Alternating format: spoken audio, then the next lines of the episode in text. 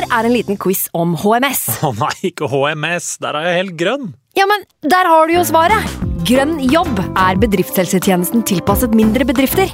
Våre HMS-eksperter hjelper mer enn 8000 bedrifter over hele Norge med alt fra lovpålagte HMS-krav til pålegg fra Arbeidstilsynet. Få på plass bedriftshelsetjeneste på grønnjobb.no. Hallo? Jeg kommer fra Oslo politikammer. Ine Jansen er purk. Er du purk? The motherfucking bitch. Alt jeg vil, er å finne ut hva som skjedde med mannen min. Jon Carew. Er jeg sikta for noe? Iben Akeli. Det er du. Ole So, Lars Berrum og Big Daddy Karsten. Hvem sin side er du på, egentlig? Anette Hoff, Tone Danielsen, Kommer du fra Afrika? Jørnis Josef, Nesten. Kløfta. Trond Espen Seim, Det er synd å si det, men det var feil mann som døde. Purk. Premiere tirsdag på TV2 Play.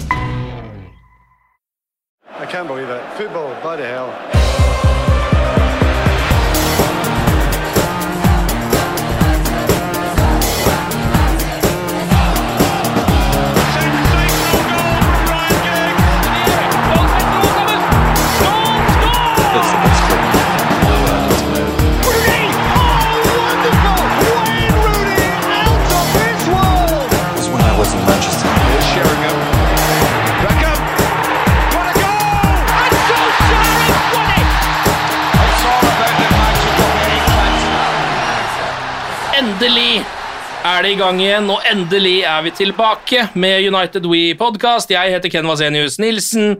Det er sesongstart. Med meg i studio i dag fra NRK, Christian Nilsen. Hei, hei. Hallei! Alt bra? Eh, Ganske bra. Jeg er litt trøtt. Har blitt eh, trebarnspappa i løpet av eh, sommeren. Jeg Kjenner det. Det er gøy og slitsomt. Skal man si gratulerer? Eh, Det skal man, så Ja. takk. gratulerer. Fra VG, Martin Jøndal. Halla. Velkommen til deg også. Takk, takk. B bruser i blodet, eller, foran ny sesong? Ja, gleder meg.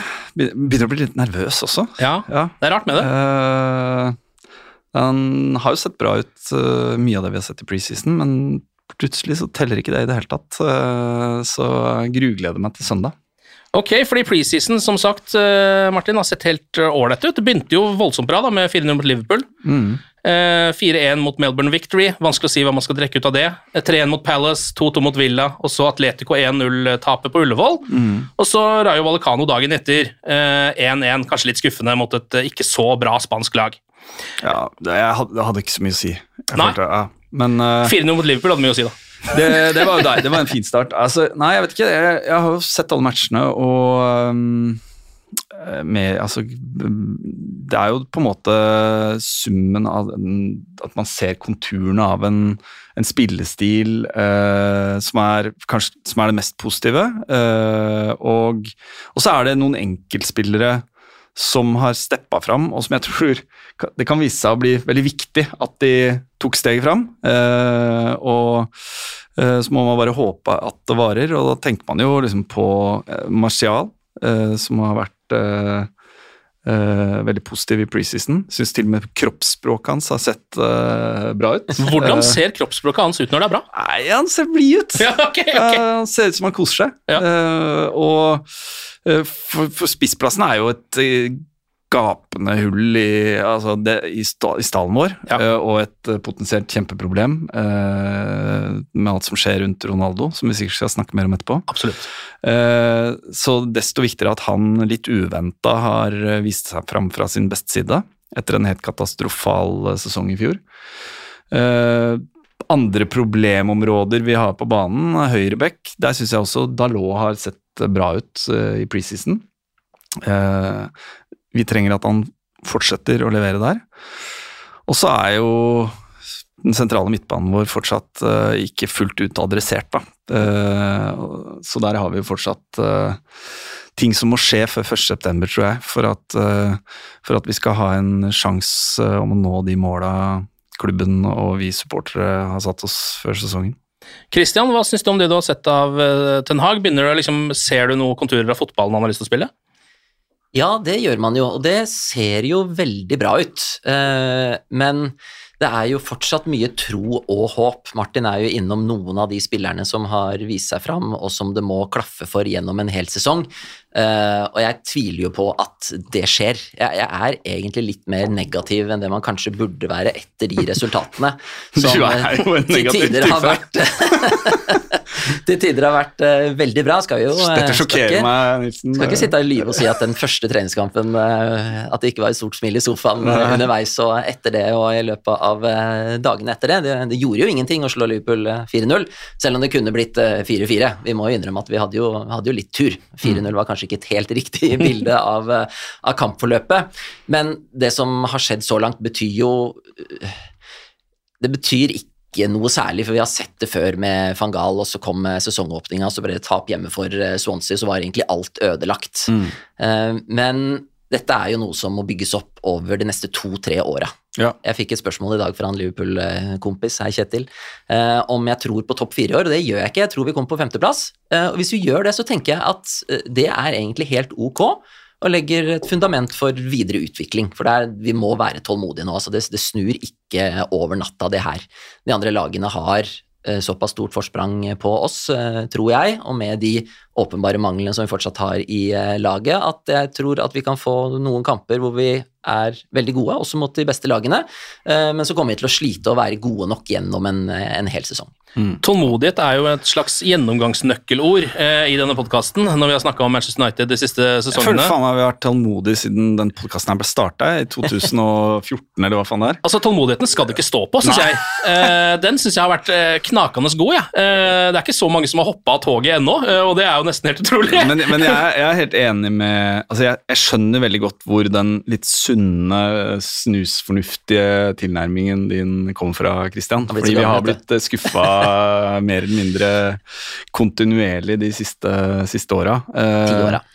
Ja. De siste ti åra. Um, men det er Ja, jeg, jeg har jo en sånn tro på at uh, hvis vi har litt flaks, og tilfeldighetene uh, og brikkene faller på plass, uh, og um, det skjer litt mer ting i transfervinduet fram til 1.9., Eh, så er vi liksom Vi er avhengig av at, eh, at det er noen, eh, noen, nøkkelspillere som spiller Flere spillere må spille opp mot makspotensialet sitt, mm. men det faktum at de har et makspotensial som ligger langt over det de leverte i fjor, mange av spillerne, det vet vi jo.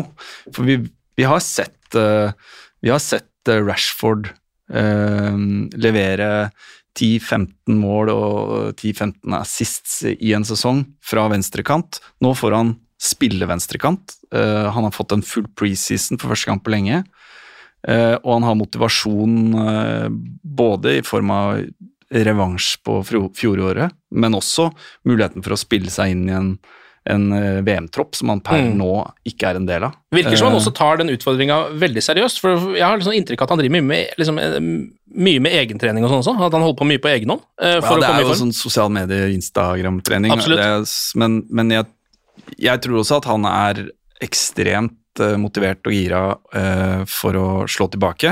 Og så tror jeg veldig mye handler om liksom den stemninga Ten Hag og den attituden han klarer å skape i den garderoben, eh, som vil forplante seg videre ned i liksom, de enkeltspillernes selvtillit. Eh, for med Rashford så føler jeg mye har vært et selvtillitsproblem det siste året, da. Uh, ja, og et fysisk problem har det vel også vært, men Men ja. hvis, hvis, hvis Rashford, Martial og Sancho fyrer på maksnivået sitt alle tre på topp for United, Uh, og får uh, et par uh, har et par gode servitører i Fernandes og Eriksen bak seg, og man faktisk får inn en defensiv midtbanespiller som, som gjør det mulig for oss å på en vellykka måte spille oss ut bakfra, som jo fortsatt er et kjempeproblem for oss med det spillematerialet vi har så, eh, så, er det jo også rom for å være litt positiv. Ja, og jeg merka at det var mange visser der. Det var sju-åtte visser, så sitter det. Ja, ja, Tru det gjør, gjør, man i kjerka, det sa en tidligere ekspertkommentator som jeg har uh, eh, jobba med. Nei, men, og der er det, det er mye tro og håp her, jo, Martin. det hadde vært veldig fint hvis Marcial og Rashford hadde kunnet vise fram over en jo, hel vi, sesong toppnivået, men er de gode nok? Vi Jeg er veit ikke at de sikker, kan det. altså.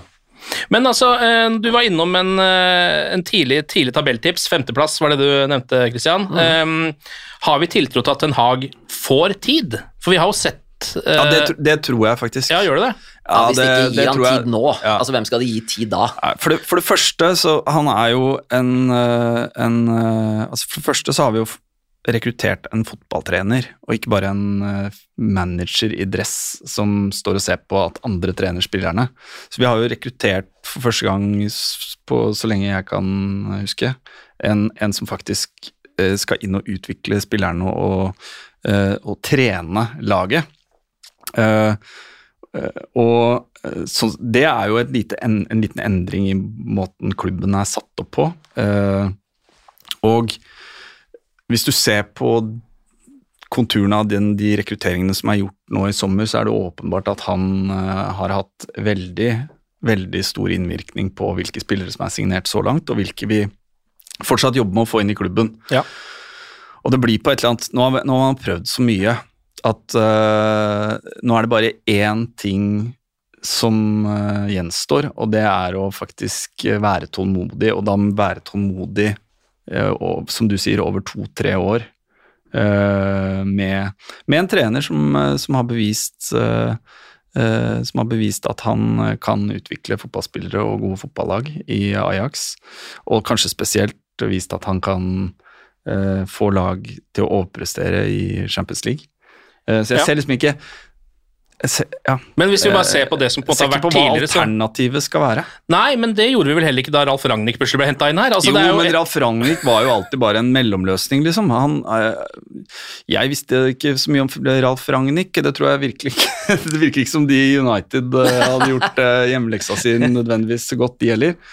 Men, men selv, ikke sant, under under, eh, under Solskjær så, så kunne man jo alltid, så kunne kritikerne hans alltid peke på mangelen på erfaring og uh, hvilket nivå hadde han trent eh, på før han kom til United osv. Altså, det var jo det var noen åpenbare uh, ting å problematisere. Uh, Ja, med rette. Med rette. Med rette, ja. Men det er også noe med at jeg bare sånn eh, Og Mourinho det samme, ikke sant, med alt som hadde skjedd i karrieren hans frem til det, og hva slags type han var. Uh, uh, og ja, vi kan ta den lista med van Gaal, med uh, Moyes. Ja. Det jeg har sett av det jeg har sett av Den Haag så langt, har på en måte bare styrka troen min på at dette er en mann det er mulig å, å stå, stå ved og være tålmodig med, mm. og som kommer til å få det til å funke til slutt. Jeg har bare en slags følelse at i United-styret så er tålmodighet betyr kanskje tålmodighet, men det betyr også en fjerdeplass minst, på en måte. Hvis dere skjønner hva jeg mener? Altså sånn, det er akkurat som at med en gang det begynner å gå litt dårlig, så går det, tar det veldig kort tid før det liksom er ferdig. da. Jo, og det var nok eh, sant så lenge vår venn eh, Woodward styrte butikken og tok de avgjørelsene, for han tok jo de avgjørelsene uh, ut fra de kriteriene som, som han uh, beherska, og det var økonomi. Uh, og da var Champions League et absolutt krav, fordi det var det som telte Det for økonomien. Det var penga. Men nå har vi jo en, en sportsdirektør som jo må kunne på en måte se et større bilde.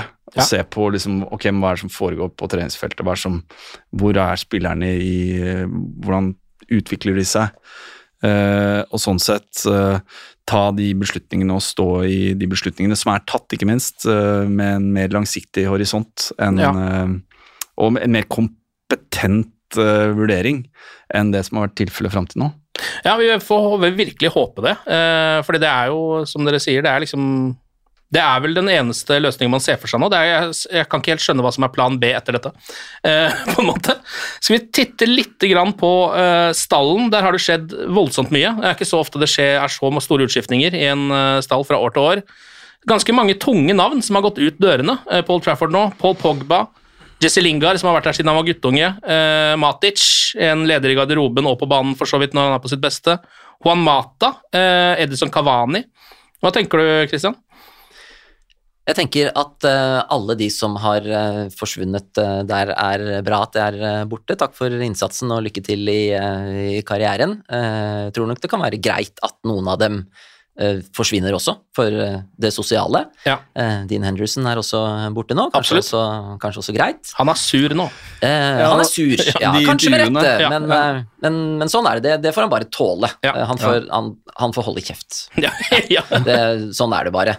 Um, men at de har, som har forsvunnet, har forsvunnet, det har jeg ikke noe klage over i det hele tatt. Det er jo hvem som kommer inn, eller hvilke spillertyper som eh, kommer inn, som er det store problemet. Og det, det er vanskelig nok en gang å forstå hva som er tanken og gjennomføringsideen til Manchester United når det gjelder rekruttering av spillere. At ting skal ta så lang tid, at det hentes inn spillere som man kanskje lurer på hvorfor kommer, hvorfor bruker vi masse penger på en ny venstreback, for eksempel. Er liksom, er det det viktigste? Ja, et ledd i en plan, det er jo, det er jo greit nok og fint, Malaysia kan jo bli en eh, kjempespiller, men når det er eksempel et så skrikende behov på sentral midtbane, så skjønner jeg ikke hva klubben driver med, altså. Nei. Igjen!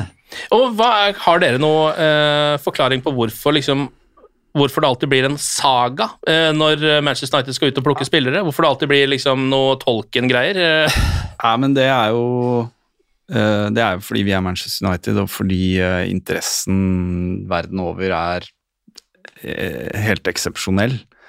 Eh, og så tror jeg at det handler jo eh, også om eh, Altså, du må se det case by case, og eh, jeg er jo jeg er helt enig og forstår på en måte frustrasjonen til Christian over at man ikke har adressert det midtbaneleddet. Eh, og vi, vi, er liksom, vi er i tidlig august. Uh, samtidig som jeg Jeg klarer ikke helt å liksom bli provosert over uh, at Altså den de Jong-sagaen, da. Fordi jeg tror rett og slett det er, det er litt utenfor, utenfor Uniteds kontroll. Og så har man Hvis man skal hvis man skal tro at de i hvert fall har delvis greie på hva de holder på med, så er jeg jo Jeg føler meg ganske trygg på at det har blitt gitt noen øh, forsikringer om at øh, de Jong eh, er interessert i å spille for United, gitt at han øh, får løst opp i de lønnsutfordringene som, som han har i Barcelona. Hvis, hvis, hvis det ikke har skjedd, hvis ikke den samtalen har, vært, uh, har blitt uh, gjennomført med Ten Hag eller uh, Murtog, eller begge, så er det jo helt sjanseløst at man fortsatt sitter på gjerdet. Men hvis man tar for gitt at, at man har den forsikringen, og man vet at han er den spilleren som vil utgjøre forskjellen, og som vil eh, gjøre det mulig for eh, Ten Hag å implementere den måten, United, eh, måten han ønsker United skal spille på, eh, så skjønner jeg også at de står i situasjonen framfor å gå for en plan B, plan C, til 40-50 millioner euro for alle. Altså En midtbanespiller på det nivået vil jo uansett eh, koste, koste de summene, enten man går for en Juri Tilemanns eh, ja, Kanskje man kan få han billigere fordi han har ett år igjen i kontrakten, men Ruben Neves, ja. eller Altså, jeg vil også da tenke sånn at ok, det er verre at man, det gjør litt vondt nå at vi potensielt starter sesongen eh, på en eh, mindre optimal måte enn det man skulle ønske, men vi lander vi lander den, det førstevalget til slutt, eh, enn å bli desperate og panikkhandle eh, En dårligere. En dårligere spiller. Og så kan man jo si at, og så kan jo du kontre med å si ja, ja, eh, jeg husker Fabregas-sagaen. eh, første sommeren til Moyes. Hva endte vi opp med da? Panikkhandle Fellaini på dag, eh, siste dagen av transfervinduet. Det er jo også en, selvfølgelig et åh, Jeg får håpe et jævlig liten sjanse for at det er outcomet. Eh, men, uh, men ja, jeg, jeg smører meg med tålmodighet, og så får vi vel se i løpet av Jeg tipper at de neste par ukene, denne uka her, og eventuelt neste uke, uh, vil, vil avgjøre egentlig hva, hva som skjer der. Ja, vi vet jo, ingen av oss, eh, og ingen særlig andre heller, vet jo egentlig hva som, eh, hva som, blir sagt, og hva som eh, blir gjort. Det er innmari viktig å huske på det, selvfølgelig uansett hva vi snakker om. Og jeg er helt enig med Martin at her, her må det ligge en forståelse i bunn med hovedpersonen selv, de Jong, om at han faktisk vil komme. Men gud bedre, som han og alle andre gir inntrykk av, det vil han jo egentlig ikke. Jo, men hvorfor gjør han det? Fordi han mest sannsynlig har lojalitetsklausuler og avtaler med Barcelona som han er nødt til å rydde opp i før han eventuelt kan ta det steget. Altså, igjen, dette er spekulasjoner, det vet vi ikke, men Nei, men, men- rydde opp i det, da. Altså, Ja. herregud, her er det snakk om penger, og det er ikke snakk om i fotballsammenhengen så sinnssyke summer. Bare løs det. For Nei. det å drive og vente, det å komme i denne situasjonen igjen, som bare fører til masse kok, og det aller verste, vi får ikke tak i den spilleren som det virker som klubben har identifisert som rette mann før eventuelt sesongen har starta. Dette skjer gang på gang på gang. Yes. Jeg, jeg, jeg har store problemer med å forstå uh, hvorfor ting gjøres på den måten istedenfor bare ok, dette er lista, dette er spillerne, nå går vi ut og så kjøper vi dem, og så har vi dem klar til sesongoppkjøringa starter. Men skal- Det klarer andre klubber. Ja. Da burde Manchester United klare det. Men skal vi premiere Barcelonas oppførsel ved å gifte de 200 millioner norske kroner på toppen av den avtalen man allerede har Det er ikke dine penger, Martin. Nei, jeg vet det, men, men det er et eller annet der. Altså, selvfølgelig jeg, Det er åpenbart sånn at man, man bør ha en, en liste med midtbanespillere som er aktuelle. Så har man gått gjennom den lista i april-mai med Erik Ten Hag. Eh, og på det, den lista så står det, må det garantert stå andre navn enn Frenkie de Jong. Men Frenkie de Jong er i Erik Ten Hag sine øyne så mye bedre, så mye bedre på noen spesifikke oppgaver i den rollen. Eh, så han som trener, manager, mener det er verdt å vente på, verdt å se an situasjonen. Eh, og så er det som jeg sier, hvis, hvis ikke det ligger noen form for uh, uformelle samtaler der med agenten hans og spilleren sjøl i bånn, så, så burde de jo ha gått videre for, for lengst, på en måte. Mm. Uh, Det er jo sånn som man ikke får vite. Nei, nei, men det får man eh, det lese i. The Athletic i oktober, på en Ja. måte. Uh, men Nei, jeg vet ikke. Det er, men det åpenbare faktum er jo at vi trenger en forsterkning på midtbanen. Ja, og det må gjerne være Frenke Frenkie de Jong, for han er en av verdens beste midtbanespillere. Jeg vil gjerne ha han selv, eh, og han har en spillestil som jeg tror kan passe veldig godt inn i det Ten Hag ser for seg også. Eh, Men jeg tror også mange United-supportere nå kjenner litt på Angel Di Maria-spøkelset, da, for det er jo flere eh, fasetter i denne sagaen her. Eh, hvis man, altså nå blir det jo det blir mye viss her, vi sitter jo bare og spekulerer, det er veldig få som vet så mye om dette. Men eh, hvis det stemmer da at han egentlig vil være i Barcelona, det er én ting. Det tror jeg veldig mange vil. Ja, hvis altså, alternativ to da er Manchester United, han føler seg litt pressa ut, Ja. kommer til Manchester United, øh, vil kanskje egentlig ikke nødvendigvis være der. Hva, hva slags innvirkning vil det ha på hvordan innsatsen har forværet, tror du? Nei, men det tror jeg vi Man må på en måte øh, Man må tenke det ut ifra at han Han kan ikke si Han kan ikke sette i gang den transferen sjøl. Ikke offentlig. Ikke offentlig. Eh, altså, jeg tror ikke en, en nederlandsk spiller som er vant til vær og vind fra Nordsjøen, vil ha en kjempestor problem med å omstille seg til liksom, å bo i Manchester. At det i seg selv er et, en utfordring. I de, de Maria sitt uh, tilfelle så fikk man jo mye mer inntrykk av at det var på det tidspunktet der en agent kunne ta opp røret, ringe Ed Woodward og si et navn på en verdensklassespiller, og så kunne han spørre manageren vil du ha han. Mm. Ja, det høres bra ut. Og så skrive en sjekk, på en måte. Mm. Eh, Det var rekrutteringsstrategien. Jeg tror det ligger mer bak her, da. Det må jo også Eh, nevnes at og- pokker så god Ankel Di Maria var helt fram til det innbruddet. Altså, han var jo grisegod til å begynne med. Og, og jeg tror at, eh, at eh, kommer Frenk de Jong til United, så, har han jo, så er han jo en helt garantert starter, og han vil bli brukt på den måten som får ut makspotensialet hans fra en trener som kjenner han fra tidligere. Så jeg er ikke noe, jeg er ikke noe redd for uh, eh, for den uh, Di Maria-parallellen, sånn sett. Jeg, det tror jeg er en, he en helt annen situasjon. Um, men, men jeg er litt bekymra over at Jeg mener jo at vi i realiteten burde signert to sentrale midtbanespillere, og jeg er enig med deg i at jeg ble også overraska når vi gikk ut og brukte ikke mye penger, men 15 millioner euro på en venstreback. Det tror jeg rett og slett bare det var for god deal til at vi kunne la han passere, på en måte. Eh, men likevel, det, det føltes litt som når vi endte opp med å kjøpe eh, to unggutter for 35 millioner euro i, i, eh, for to somre siden, i stedet for å bruke penga på, på, Sancho fra Dortmund. Ja. Eh, og de unggutta spiller fortsatt eh, på lån i andre klubber, og eh, det er ikke noe gitt at det kommer til å bli noe return on investment. så jeg vet ikke. jeg skulle gjerne sett at vi hadde kjøpt én sentral midtbanespiller, så vi i hvert fall fikk inn to nye spillere. Vi har mista, som du sier, Matic, Pogba. Uh, vi har to spillere i Fred og, og um, McTominay. Men den lagdelen skriker etter forsterkninger, og selv om Zidane Iqbal så jævlig bra ut på, i preseason, så er ikke han liksom løsningen i, på seks og tolv måneders sikt, da. Nei, og så er jeg jo Jeg er jo litt redd for at både Fred og McTominay er i den kategorien som Rashford og Martial er i, i mine øyne, at de er egentlig ikke gode nok. Vi, vi, vil så gjerne at de skal være gode nok, for vi har sett hva i hvert fall noen av dem kan gjøre på spektakulært vis. Men jeg er ikke sikker på om de er det. Og det, det gjør meg ganske bekymra. Eh, det å gå inn i den sesongen som eh, kommer nå, med ambisjoner om å komme blant eh, topp fire og kjempe mot veldig mange gode fotballag som har en innarbeida spillestil.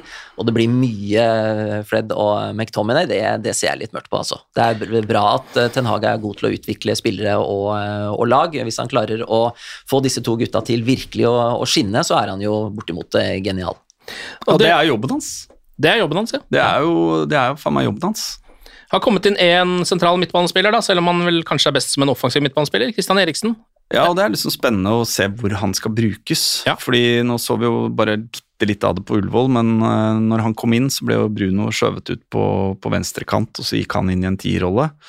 Uh, jeg tenker jo En drøm hadde jo vært å sett Eh, og det vet jeg ikke, jeg er ikke noen fotballekspert, men man, eh, en, kreativ midtbane med Bruno og Eriksen i hver sin indreløperrolle. Og en solid defensiv bak. Og en solid, kreativ eh, playmaker bak de. Ja. Imot lag som legger seg lavt på Old Trafford for å uh, kontre inn 1-0. Mm. Da, har tre, da har du to boksåpnere. Men hvis han skal alternere med Bruno i den tierrollen og egentlig aldri liksom ha en fast plass, jeg jeg vet, ikke. Han kan vel også spille litt ut mot venstre, men da, ja. da blir jo den der 4-2-3-1-formasjonen eh, litt annerledes. Ja, ja, jeg tenker at det å få tak i en så begava fotballspiller som eh, Eriksen gratis er litt sånn no-brainer. Ja. For hvis det ikke går, så er det ingen som egentlig tapte så veldig mye på det. Og så er han en kjempegod fotballspiller, og gjennom en hel sesong så er det greit at eh, Bruno kan få litt avlastning. Ja, og i garderoben også, så tror jeg altså, De leste en god artikkel, det var på, på United.no, der var det Fredrik som hadde intervjua Åge Hareide. Fredrik Firtvedt. Fredrik Firtvedt. Eh, og de som har hatt han i klubben, altså de hyller jo på en måte hans påvirkning på garderoben, hvor profesjonell han er, hvor liksom ålreit fyr. Uh, det er jo en litt annen type fotballspiller enn det vi har uh, sendt uh, ned til Juventus igjen i Paul Pogba, liksom. En litt annen profil som jeg tenker er Det kan være et positivt skifte i, i den garderoben. da. Eh, jeg tror eh, Eriksen kommer til å vise seg å være en veldig bra signering. Og så er det jo en nydelig romantisk signering da, å få inn Christian Eriksen. Én eh, ting er jo at eh, mange Manchester United-supportere ville hatt han i klubben for lenge siden. Eh, men det å få han på det stadiet han er i karrieren nå også, synes jeg er veldig, altså Å kunne gi han en revival nå, det hadde vært helt ekstremt deilig. Det tror jeg hele verden hadde jubla for. Selv folk som hater Manchester United, og da, det skal jo litt til. Eh, så det syns jeg er helt nydelig. Det er en nydelig historie. Potensiell ja. historie. Det er ja. det.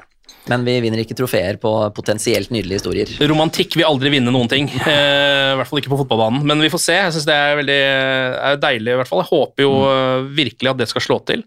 Eh, to andre spillere som har kommet inn. Vi har vært innom, innom Tyrell Malassia, som også er venstreback. Ingen som vet helt egentlig om han er bedre enn Luke Shaw eller ikke, men sånn som jeg har skjønt det, så er han vel forespeila å liksom være en framtidens venstreback. Ja, og han, man får litt sånn Patrice Evra-vibran. Ja. Uh, offensiv. Uh, han har sett lovende ut. Ja. Eh, hvorvidt han kan utkonkurrere Shaw på venstrebekken, det får vi bare se. Men Mm. uh, at det blir på en måte en bra konkurranse på, på venstrebekk, det er det ingen tvil om. Og Shaw har vel egentlig ikke hatt en bedre sesong enn den sesongen han hadde i den sommeren vi henta Telles? Telles fra, fra Portugal. Så han heva jo nivået sitt da, så Mm. vi kan jo håpe at noe samme skjer nå. Ja, jeg tenker at eh, Shaw har godt av eh, litt eh, reell konkurranse, og Malaysia virker jo som en mye mer moderne og mye bedre backtype enn det Telles er. Ja. At Telles forsvinner, det tror jeg ikke det er veldig mange som gråter mange tårer over. Ser ut til at han er på vei til Sevilla på lån. Ja, han, det er det det ser ut som, ja. Eh, og så er det Lisandro Martinez, da. Eh, en av de lavere midtstopperne i Premier League, eh, og i Europa for den del. Eh, litt sånn spillende eh, type. Eh, ganske god teknikk, god pasningsfot. Ja, og igjen, altså Vi har hatt mange problemer eh, i United de siste åra, eh, men et av de måte tingene som har frustrert meg mest, er på en måte hvor, hvor dårlig vi har vært eh, i den fasen der vi skal spille oss ut bakfra. Spille av press og flytte ballen fra midtstopper-keeper opp til den siste tredjedelen av banen. Og det starter jo i eh, midtstopperleddet, eh, og det involverer i aller høyeste grad eh, den defensive midtbanen vår. Og det er liksom Der må vi gjøre noe, og der, det har tydeligvis Det har jo Ten Hag også, han har sikkert sett kampene på reprise og sett at ok, men jeg, jeg trenger en spillende midtstopper, jeg trenger en spillende defensiv midtbanespiller. Mm. Og uh, pasningssikker, kan slå slå uh, langpasninger. eh, ja, han eh, er i tillegg også eh, duellsterk og har den derre En sånn fire som jeg syns vi ikke Vi har ikke hatt den type spiller på laget på lenge, og det er jo noe man eh, alltid har hatt i de United-laga som virkelig har eh, lykkes. Så har man hatt et par spillere som det brenner litt ekstra i magen på. Eh, så, så han, ja, igjen, jeg har troa på, på han som, eh, som eh, stopper på venstrestopperplass. Så blir det spennende å se hvem han ender opp med å spille sammen med. Ja, hvem tror du, Christian? Er det liksom Altså, Harry Maguire skal beholde kapteinspinnet, eh, ser det ut til. Eh, og da vil jeg jo tro at han også har tiltenkt en plass i elveren, men nå er jo Varan der òg, da, eh, og ikke minst Lindeløf.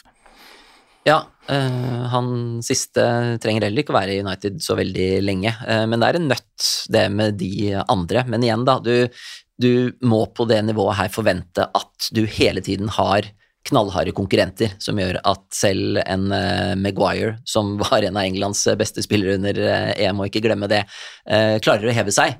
Og siden han får det kapteinspinnet, i hvert fall sånn som det ser ut til, så er jo det et ganske kraftig signal. Mm. Men Varans rolle, litt mer usikker på hvor den kommer til å være. For at når Martinez er kjøpt for så mye penger, så vil man jo tro at han også er tiltenkt en, en startplass. Så kan jo også han spille defensiv midtbane, men det å bruke egentlig midtstoppere på, på defensiv midtbane i et lag eh, som eh, Ten Hags United, det, det er jeg ikke sikker på er en sånn veldig god idé, så det, det får vi se på. Eh, jeg er jo helt enig med Martin at det å spille seg ut, det har jo vært et, et stort problem. Nå skal du jo fortsatt spille den ballen opp til de samme spillerne da, i Fred og McTominay, som viser seg gang på gang ikke ha de egenskapene for å komme seg løs og, og Enn- slå enn så lenge gode pasninger eh, framover. Ja, så man kan jo si at ok, man har kanskje løst noe, men man, man har skjøvet problemet 20 meter eh, fram i banen. Eh, men et enda større problem, syns jeg, har jo vært den defensive organiseringa. Altså at vi har, vi, vi har blitt spilt altfor lett igjennom. Det skal så lite til for motstanderne å skape gunstige posisjoner mot en ryggende backfirer. Mm. så det jeg håper først og fremst på, det er jo at eh, eh, med Malaysia, med Martinez, så klarer de å få den bakre fireren til å sitte. At vi får et United-lag som er mer framme i skoa, og at han får eh, midtbanen også til å være med. For at det, er jo, det er jo hele laget som er i forsvar. Med en gang du mister ballen, så er det jo spissen hvis ballen er hos midtstopperne som er første forsvarsspiller. Og at hele laget blir mye mer kompakt. Men det er klart, da trenger du at de spillerne fram i banen kan stole på de, de fem som er eh, bakerst. Det begynner jo med defensiv organisering de aller fleste lag. Men defensiv organisering trenger ikke å være å ligge defensivt og ligge lavt. Du kan være veldig godt defensivt organisert ved å være mer ivrig på å få tak i ballen tidligere, f.eks. Som man har sett noen eh, gode eksempler på, også mot et såpass bra lag som Atletico Madrid, som, som gleder meg litt. Ja, stå, stå høyt i banen. Og Apropos liksom, konkurransen på midtstopperplass, så virker det jo, i hvert fall det man har sett uh, i preseason, så virker det jo som Ten Hag eh, driller litt sånne rollespillere i høyre og venstre stopper. Uh, og at uh, det, kan, det, kan, i hvert fall se ut som det vil være en konkurranse mellom uh, Varan og Maguire om høyre stoppeplass, og Martinez og Lindløf om venstre stoppeplass. og så tipper jeg man også vil få se en del rotasjon der. For det er jo i utgangspunktet fire landslagsspillere på et, på et bra nivå det er snakk om her. Ja, absolutt. så det blir, men det blir spennende å se. Det blir spennende å se hvem som starter på på, eh, på, søndag. Jeg tror at Maguire starter, det tror jeg er ganske given. Og jeg tror fortsatt Lindløf er, er litt foran eh, Martinez, siden han er helt ny. Men, ja. uh, men, at, uh, men at vi fra kamp to, tre, fire kanskje kan få se Maguire og Martinez danne et stoppepar. Det ville jo være kanskje litt for stor signaleffekt å så lenge Maguire ikke er skada, ikke starter man i første match, da blir det sikkert så mye uro at han må ha bare tvunget til å få han utpå der. Men jeg tror, jeg tror ikke liksom, Tentag virker ikke som en fyr som tar så jævlig mye uh, hensyn til at det blir uro. Altså, uh, det viser jo dagens kommentarer om Ronaldo. Uh, ja, for det er neste det er, tema. ja. Cristiano Ronaldo, eh, vi vet ikke helt om det er han som skal være spissen til Manchester United denne sesongen eller ikke. helt ennå. Nå ser det jo egentlig ut som han blir, da, siden det ingen biter på sluket hans. Eh, ja, og hvis han blir, så håper jeg han blir en impact-sub. Ja. Det uh, tror jeg ikke han håper. Nei, men, men, men det, det, avhenger jo av Det, det er mange visser, men ja. det avhenger jo først og fremst av at, uh, at Martial fortsetter, å, å, fortsetter der han har vært i preseason. Ja. For hvis han leverer fra dag én, så forsvinner ikke han ut av laget uh, et kamp uh, tre eller fire fordi Ronaldo er fitt og klar. Eh, da må han må spille seg inn i det laget. Ja. Man skal vel, eller vil vel kanskje Marcial, altså. Jo, jo. Ja, nå, det, altså, nå vel, har det vel kommet noen rapporter om at Cristiano Ronaldo ikke er helt fit. Eh, han har jo ikke vært med så mye i preseason, sånn, så det er sannsynligvis kanskje Martial som starter ja, ja, første det, match, det, vil jeg tro, men vi får se hva som skjer etter hvert. da. Altså, Det mener jeg er helt given, ja. uh, med mindre han er skada. Uh, og hvis Martial er skada, for han fikk vel en liten smell mot, mot Atletico, ja. så regner jeg med at, at da starter han med Rashford eller Bruno. På, altså Ronaldo spiller ikke fra start mot Brighton på søndag. Det er jeg 100% på. Ja, Det tror ikke jeg heller. Ja, Det hadde vært veldig rart og veldig sånn uh, ikke tenhagsk med måten han vil uh, spille fotball på, virker ja. det som. Ja, og signaleffekten det ville sendt. Ja, men så er det noe med Ronaldo, den der posisjonen som uh, han har. Altså, jeg, jeg misunner ikke Ten Hag den, den, jobben der. Han skal utvise man management på skyhøyt nivå for at dette skal bli en, en god løsning. Og sånn ideelt sett så ville jeg jo sagt at eh, kvitte oss med Ronaldo, men ja. vi må ha et alternativ. Mm. Og de finnes jo ikke i, i, særlig stor grad. Og igjen, da. Man er seint ute. Så kan man si her at ok, det kan jo hende, uten at vi vet det sikkert, for vi vet jo ikke akkurat hva som skjer bak, uh, bak scenen, men det virker jo rart at Ronaldo, hvis han har gitt denne beskjeden, han har jo ikke sagt det offentlig eh, selv heller, at han vil bort så seint, så setter han jo klubben i en knipe. Mm. Det syns jeg er eh, også veldig rart. Men igjen, det går jo på kommunikasjon, det går på en plan. Hvem er det vi vil ha, hvem er det som passer inn? Få det materialet inn så tidlig som mulig. Og Nå har det jo også vært litt uh, som vanlig holdt jeg på å si, uro rundt Cristiano Ronaldo i preseason, så sånn sett så har vel Ten Hag også kanskje ekstra mange begrunnelser for å ikke spille han, da.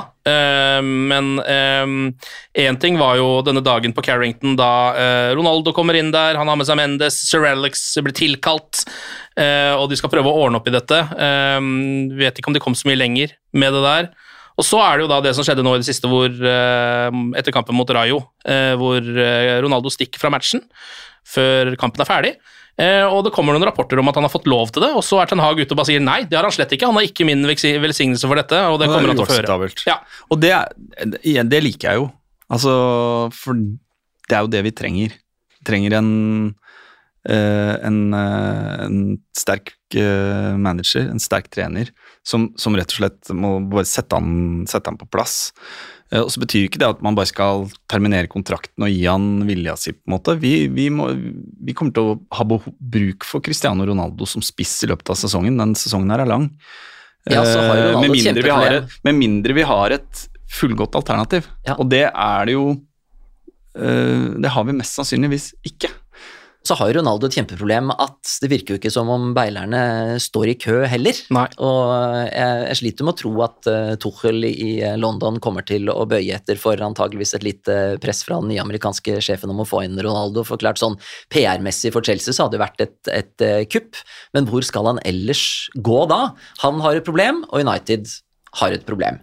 Uh, og så har jo den håndteringa sånn PR-messig rundt Ronaldo og den situasjonen med den kampen virker jo helt katastrofal. Ja. For det er sjelden du ser at en klubb, i hvert fall under hånd, gir journalister opplysninger om at Uh, vet du hva, dette var faktisk avklart, det er greit, og så går manageren ut etterpå og sier at dette er ikke greit i det hele tatt.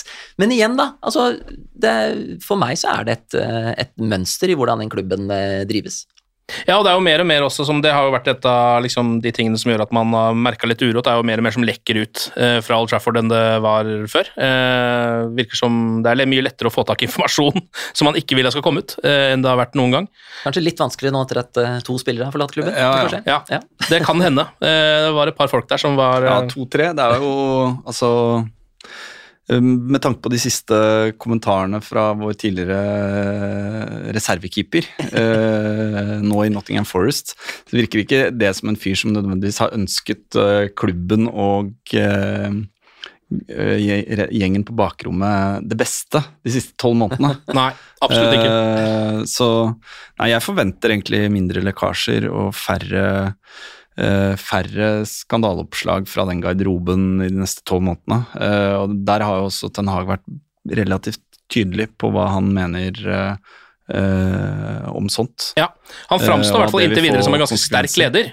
Så Ja. får vi jo se, da, når det virkelig begynner å brenne under beina, hvor lett det er å være eh, sjef Old Trafford. Det er ikke alltid like lett, tror jeg. Nei, han, eh, han virker jo veldig bra på mange måter, altså. Og så har han gjort en kjempejobb i eh, Ajax, men så er det noe med den scenen Manchester United som er eh, nesten uovertruffen i fotballverdenen, som jeg tror slår de aller fleste i bakken. Så Ja. det er ikke gitt at han, selv om han kommer fra på en måte Nederlands United, så er dette tigangeren. Ja. uh, I hvert fall. Så det er ikke gitt at han heller klarer å stå imot det der presset som, uh, som er rundt uh, hvem som, skal, eh, hvem som skal spille, og alt det andre som utgjør mediasirkuset Manchester United, og som gjør oss til den mest interessante klubben i England, uansett om vi er på førsteplass eller tolvteplass. ja, det er helt riktig. Det skal vi også på en måte komme litt tilbake til etterpå. Men eh, nå er det jo en eh, spiller som United etter ryktene eh, prøver å få tak i. Eh, det er flere for så vidt, men eh, Benjamin Sesko, en spiller jeg har sett veldig lite til.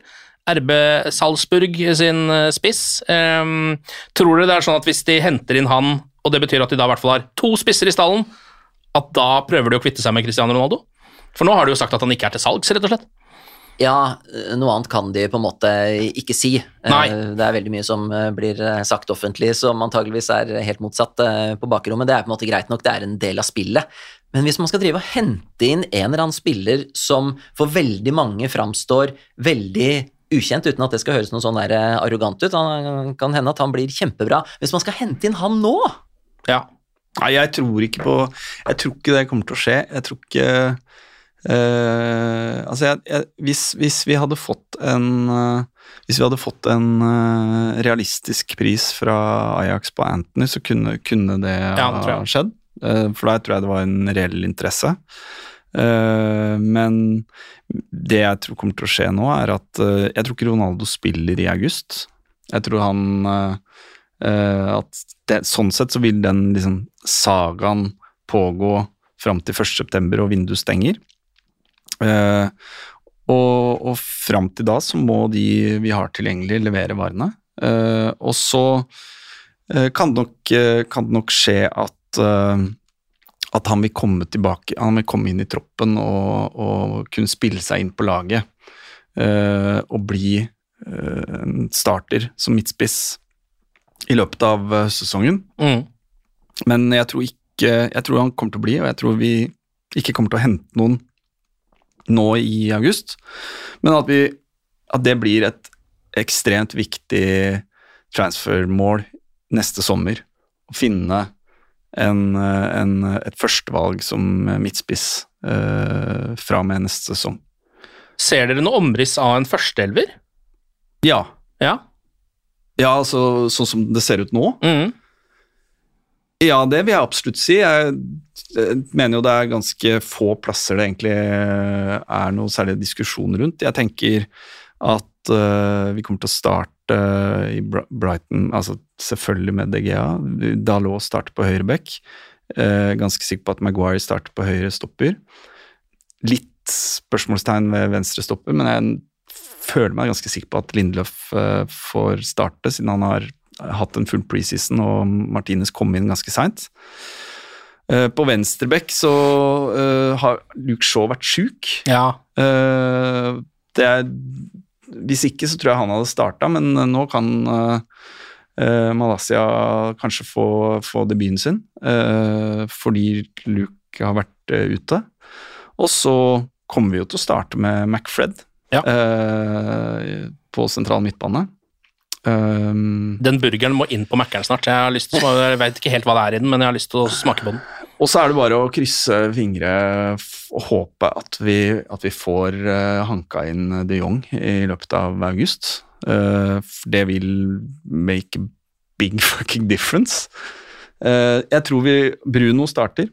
Ja. Rashford starter til venstre. Sancho til høyre hvis han er frisk. Ja, Og Martial på topp. Ja. Og det er liksom ikke Det er åpenbart at vi må ha en ny sentral midtbanespiller. Det er eh, spennende å se om vi kan eh, starte med Christian Eriksen i en, eh, en, en midtbanerolle.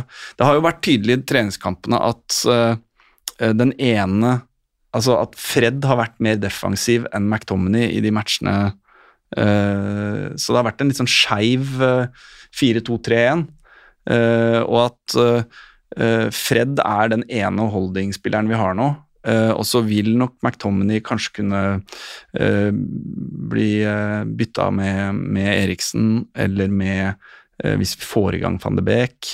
Eh, det er jo lov å det, Der er jeg mer sånn der er jeg på deg at eh, det, Der er jeg bare jævlig usikker på om han har nivået inne. Liksom. Er han god nok? Jeg, jeg, jeg har ikke sett det ennå. Eh, jeg har mer tro på at Rashford egentlig har et, eh, et eh, toppnivå som er mer enn godt nok for å være helt i toppen av hva du forventer av en angrepsspiller i Premier League. Ja. Det samme med Jaden Sancho.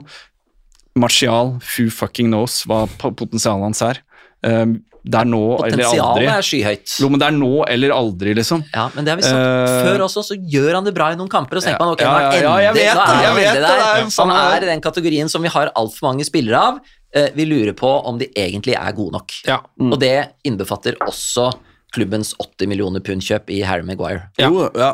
Eh, men, men startelveren nå mot eh, Brighton tenker jeg er ganske grei å spå. Ja, Ja. Enig, med, enig med Martin. Eh, Du var innom Christian, at eh, Manchester United eh, er den største og mest omtalte klubben i England, uansett egentlig hvordan det går på banen. Og det gjenspeiles også i en undersøkelse som er gjort av Alan Turing Institute, som BBC har publisert, som handler da om såkalte abusive tweets, hatmeldinger på Twitter.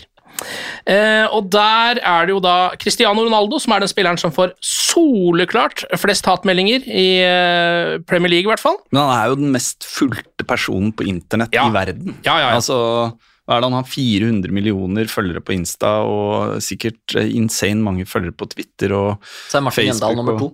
Ja, Martin Jøndal er nummer to. Nei, men, men så eh, jeg, vil, jeg vil se den statsen liksom Du må dele det tallet på antall følgere for å få uh, hat per følger. for å, jeg, er ikke, jeg, jeg, jeg er kritisk til, eh, til uh, Ja, men man kan jo eh, måten tallene presenteres på. Ja, men hvis man Altså, det er Men, hvert altså, det, men det viser jo bare det at, eh, at som Christian var inne på i stad, at United er Vi er jo et sirkus. Vi er verdens største fotballklubb, eh, i hvert fall helt der oppe, i form av interesse. Og eh, jeg så den artikkelen, og jeg så også at det var jo en spike i hatmeldingen mot Ronaldo når han debuterte for United Ja. og scora mot Newcastle. Ja. Så det er jo ikke United-supportere som uh, har plaga Cristiano Ronaldo på sosiale medier.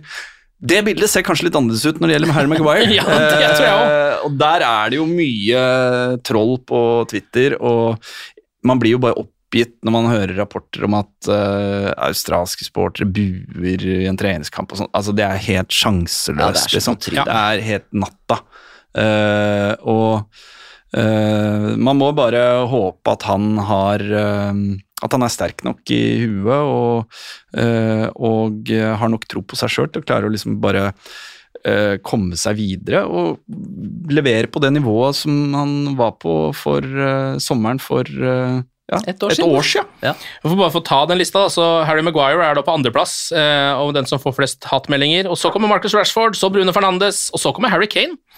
Et lite unntak. Og så Fred, Lingard, Graylish, Pogba, De Hea. Det er to ikke-United-spillere på hele lista, og Ja. det er Kane og Graylish. Det er der, det er der nøkkelen til liksom, problemene våre i transfervinduet og det å få inn nye spillere, det ligger der. Ja. Fordi du vet at signerer Den for United, shitstormen, den shitstormen, gidder du bare ikke. Det orker jeg ikke å stå i, liksom. Den I tillegg til regnvær. Ja, ja, ja. Shitstorm regner, og rainstorm. Jeg bare står det, det der. regner ute og inne. Ja. Gi meg helt, helt totalt tom SoMe og et solfylt Barcelona, så er jeg, er jeg, jeg mer fornøyd. Totalt tom SoMe på Basha heller, men uh... Nei, men jeg tror det er mer sånn brann-emoji enn bare 'jeg hater deg'-meldinger. Og så har de vel et fotballag som styrer de sosiale mediekontoene sine også, da. ja. Jeg vet vel ikke hvor mye de er inne og ser på det her eh, selv, men man vil jo tro at også høyt kasjerte fotballspillere kan bli prega av eh, masse hatt. Ja. Vil man tro, for det er mennesker de òg, som Ja. er lett å glemme innimellom alle de kravene som vi setter til dem, som noen ganger er umenneskelige. Ja, det hadde du. Man har jo på en måte uh, hørt litt om hvor, uh, hvordan de på en måte blokker omverdenen ute og kanskje ikke leser aviser eller forholder seg til det som står på baksida av engelske aviser eh, i noe særlig grad. Samtidig Så så, man jo- ser man noen bilder fra garderoben hvor alle sitter med mobiltelefonen. Jo, ikke sant? Og man kan stille spørsmålstegn med hvor smart det er fra et sånt prestasjonsperspektiv å, å, å um, drifte sine egne sosiale medier. Samtidig så er det jo, hvis du først skal være på sosiale medier, så er det på en måte ingenting som er kleinere enn at du har en sånn eh, person som gjør det for deg heller. Ja. Så det der, er, jeg, jeg veit ikke egentlig hva jeg mener om det der. Om du, om de bare, og så er det mye penger i det for mange av de, å liksom ha personlige sponsorer og bygge det varemerket. Og Cristiano Ronaldo er jo på en måte det ultimate eksempelet på, på det, og hva det kan være verdt. Eh, for han tjener mest sannsynlig mer penger eh, på ting som ikke har noe direkte eh, relasjon til kontrakten sin med Manchester United. Så ja, det er et dilemma. Han er jo et eget konglomerat, han fyren der. Så ja, det er jo et, et, veldig spesielt tilfelle.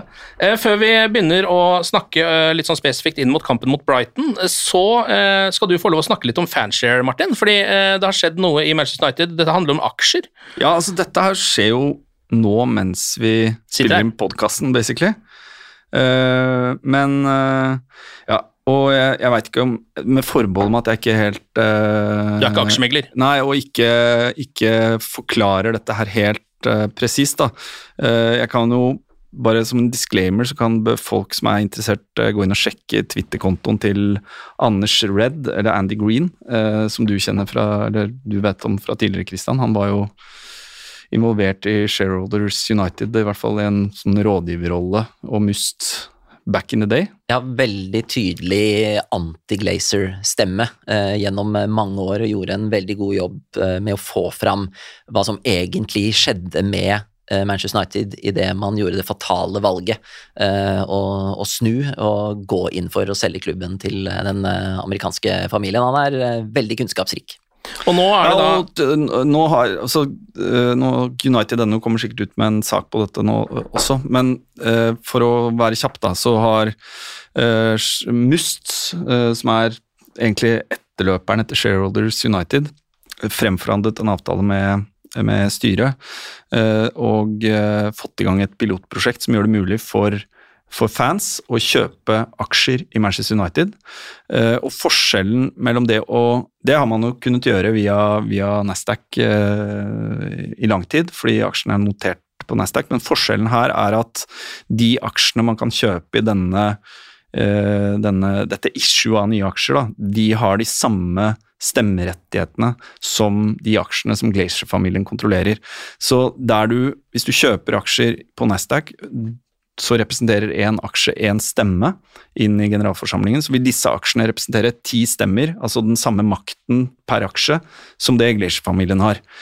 Eh, og så vil man i tillegg samle de aksjene som kjøpes eh, gjennom Must og i denne, i denne share-issuen, eh, sånn at Must på vegne av supporterne kan påvirke og stemme med aksjene samlet. Og så, man, så er jo dette bare et babysteg mot en potensielt drømmeframtid langt der fremme, hvor supporterne har mye større innvirkning på hvordan klubben drives. Fordi antallet aksjer som på en måte trykkes opp på issues i denne piloten, det mindre, har en verdi av mindre enn 8 millioner euro, som er makstaket for at skal man legge ut flere aksjer til salgs, så må man ha et fullt prospekt, og det er jo andre regler. Det, så, så, dette representerer egentlig bare 0,4% av en, blir den fulltegnet, så er det 0,4% av eierandelen i United, men 1,1% av de stemmeberettigede aksjene, sånn som jeg forsto den informasjonen. Så det vil jo si at uh, det, dette er jo bare et prøveprosjekt, men hvis det går gjennom, så kan det bli litt mer makt til supporterne, men fortsatt mest makt hos Glazers. Ja, og så blir, det, blir det jo spennende å se, da, for det har vært et voldsomt engasjement i dette, og det, dette er jo en litt sånn Eh, put your money where your mouth is-mulighet for, eh, for, supportere som, som, eh, som mener at, at, supporterne bør eie klubben og ha en kontrollere, kontrollere mer av eierskapet.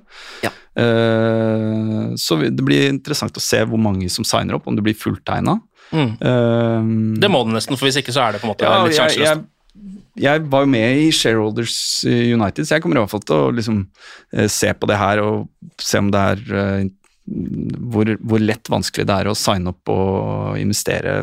Ikke store summer, men uh, putte litt penger i det. Ja, Det er jo potensielt spennende. Eh, det er et initiativ jeg, man bør backe, på en måte. Ja, absolutt. Eh, og så er jeg ikke en av de som tillegger Glazer-familien noe særlig edle motiver. Nei. Så eh, Nei, se det, hva men, de gjør, ikke det, hva de sier. Men det her er viktig, da. Dette er viktig. De pengene som tilfaller klubben som følge av at man trykker disse nye aksjene, de vil i sin helhet gå til klubben, og ikke en krone eller en pund vil gå til familien Glacier. Uh, og eh, skal disse pengene bruke... De klarer nok å finne pengene skal disse, skal, Nei da, men skal disse pengene i denne, dette setupet, denne piloten, brukes, må det godkjennes av uh, fanstyret. gi dem til de Jong. ja, ja, vi putter alltid til Young. Vi, vi har blitt enige sånn, like, Vi er like kortsiktige. Det viser seg at vi er like kortsiktige som medlemmene til Barcelona. Uh, bare, for faen, Kan vi ikke bare selge 10% 15-20-25% av fremtidige TV-rettigheter? Uh, bare gi gass! Det er her vi vet at vi bruker alle de uh, fanaksjene på de Jong, vi. Det er veldig greit. Eh, nå er det altså serieåpning på Old Trafford. Det er på søndag klokka tre mot Brighton, et lag United har slitt med tidligere, bl.a. Eh, forrige sesong. Da var det full kollaps. Oh. Ja, det, det, var, det, var, noe av det verste. Altså, det var fælt å tape 5-0 for Liverpool og bli utspilt av City og en del andre gode lag. Men det å bli totalt utspilt av Brighton, som på det tidspunktet ikke var et godt lag i det hele tatt, og med en manager under kraftig press, og se den måten de aller fleste av Manchester United-spillerne representerte drakta utpå der, det, det var en sånn skamplett i ja. historien til uh, klubben vår. altså Det var helt grusomt.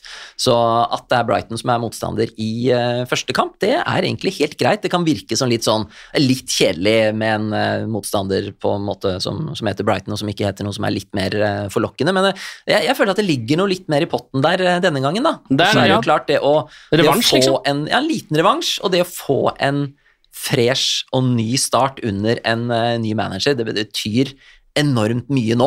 Og så så vi ut fra fjorårssesongen at det å få en god start, det betyr ikke nødvendigvis en dritt når man kommer litt lenger ut i sesongen, men den, den er ganske kritisk, den kampen og den forestillinga og det man får der, altså.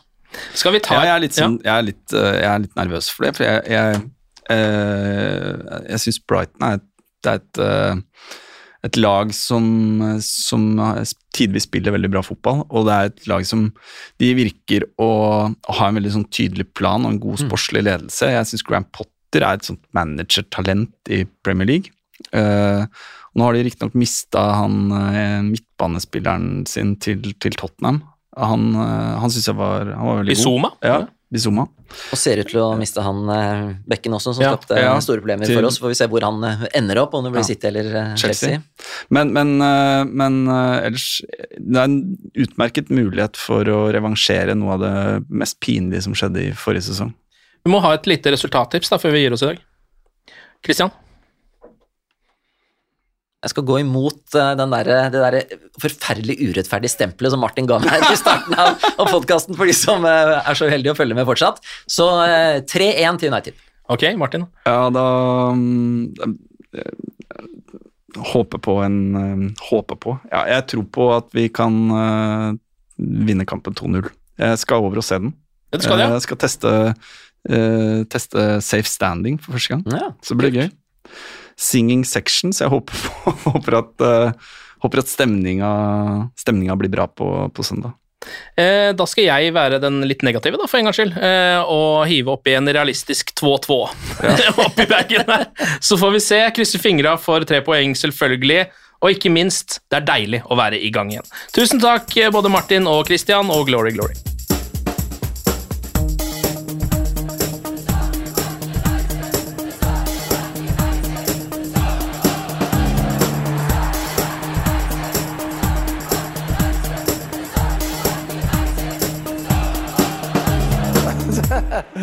It's true.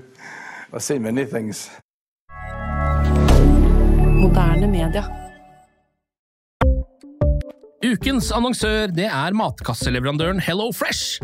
Der kan du velge mellom 25 ulike oppskrifter hver uke, eller få Hello Fresh til å sette sammen en meny for deg. Jeg sparer tid på å handle, oppskriftene er veldig enkle å lage, og så får jeg akkurat det jeg trenger da, til hver eneste rett, så jeg slipper å kaste så mye mat som jeg vanligvis gjør. Det er også litt deilig å faktisk slippe å gå på butikken, ikke bare fordi det er tidkrevende og sånn, men fordi man ender opp med å kjøpe så mye greier som man egentlig ikke trenger, sånn som fire poser eh, Smash og en kick med havsalt, eksempel. Det er ikke det du egentlig er der for, du er der for å kjøpe, kjøpe middag. Så det er en veldig eh, kjekk ting. I tillegg så er det jo eh, ferdigporsjonerte ingredienser, det blir mindre matsvinn, og du betaler bare for det du faktisk trenger, og det du faktisk da spiser. I tillegg så blir det da levert på døra til et eh, fastsatt tidspunkt, sånn at du kan få det akkurat når det passer for deg eh, sjæl. Hvis HelloFresh høres ut som noe for deg, så har jeg en rabattkode du kan bruke også. Gå inn på hellofresh.no og bruk koden HelloUnited24. HelloUnited i ett ord, også 24, og få opptil 1779 kroner i rabatt på de fem første matkassene dine hvis du ikke har prøvd HelloFresh ennå. Du kan også bruke koden hvis du tidligere har vært kunde, men har stoppa abonnementet ditt for tolv måneder siden eller mer. Det er ingen bindingstid, og du kan pause eller avslutte abonnementet ditt akkurat når du selv måtte ønske. Husk koden HelloUnited24, og bon appétit! Ukens annonsør er Folio, en smartere banktjeneste for deg som har en egen bedrift eller ønsker å starte for deg selv. Folio er en superenkel nettbank for bedrifter. Som kunde i Folio får du en bedriftskonto med et bedriftskort og app. I denne appen er det smarte løsninger som forenkler regnskapet ditt, uansett om du har en liten bedrift eller et enkeltpersonsforetak. Folio er både intuitivt og brukervennlig, og er laget med et enkelt språk. I tillegg tilbyr de forutsigbare priser og ingen skjulte gebyrer. Skulle du likevel trenge det, så kan du snakke med deres raske og hyggelige kundeservice, og der får du prate med en faktisk person og ikke en chatbot. Folio er med andre ord både enklere og koseligere enn banken. Over 10 000 bedrifter har allerede valgt Folio som sin banktjeneste, så besøk folio.no og se hvordan Folio kan forenkle din hverdag også. Har du et enkeltpersonforetak eller en liten bedrift? Da er du sikkert lei av å høre meg snakke om hvor enkelt det er med kvitteringer og bilag i fiken, så vi eh, gir oss her, vi. Fordi vi liker enkelt. Fiken superenkelt regnskap.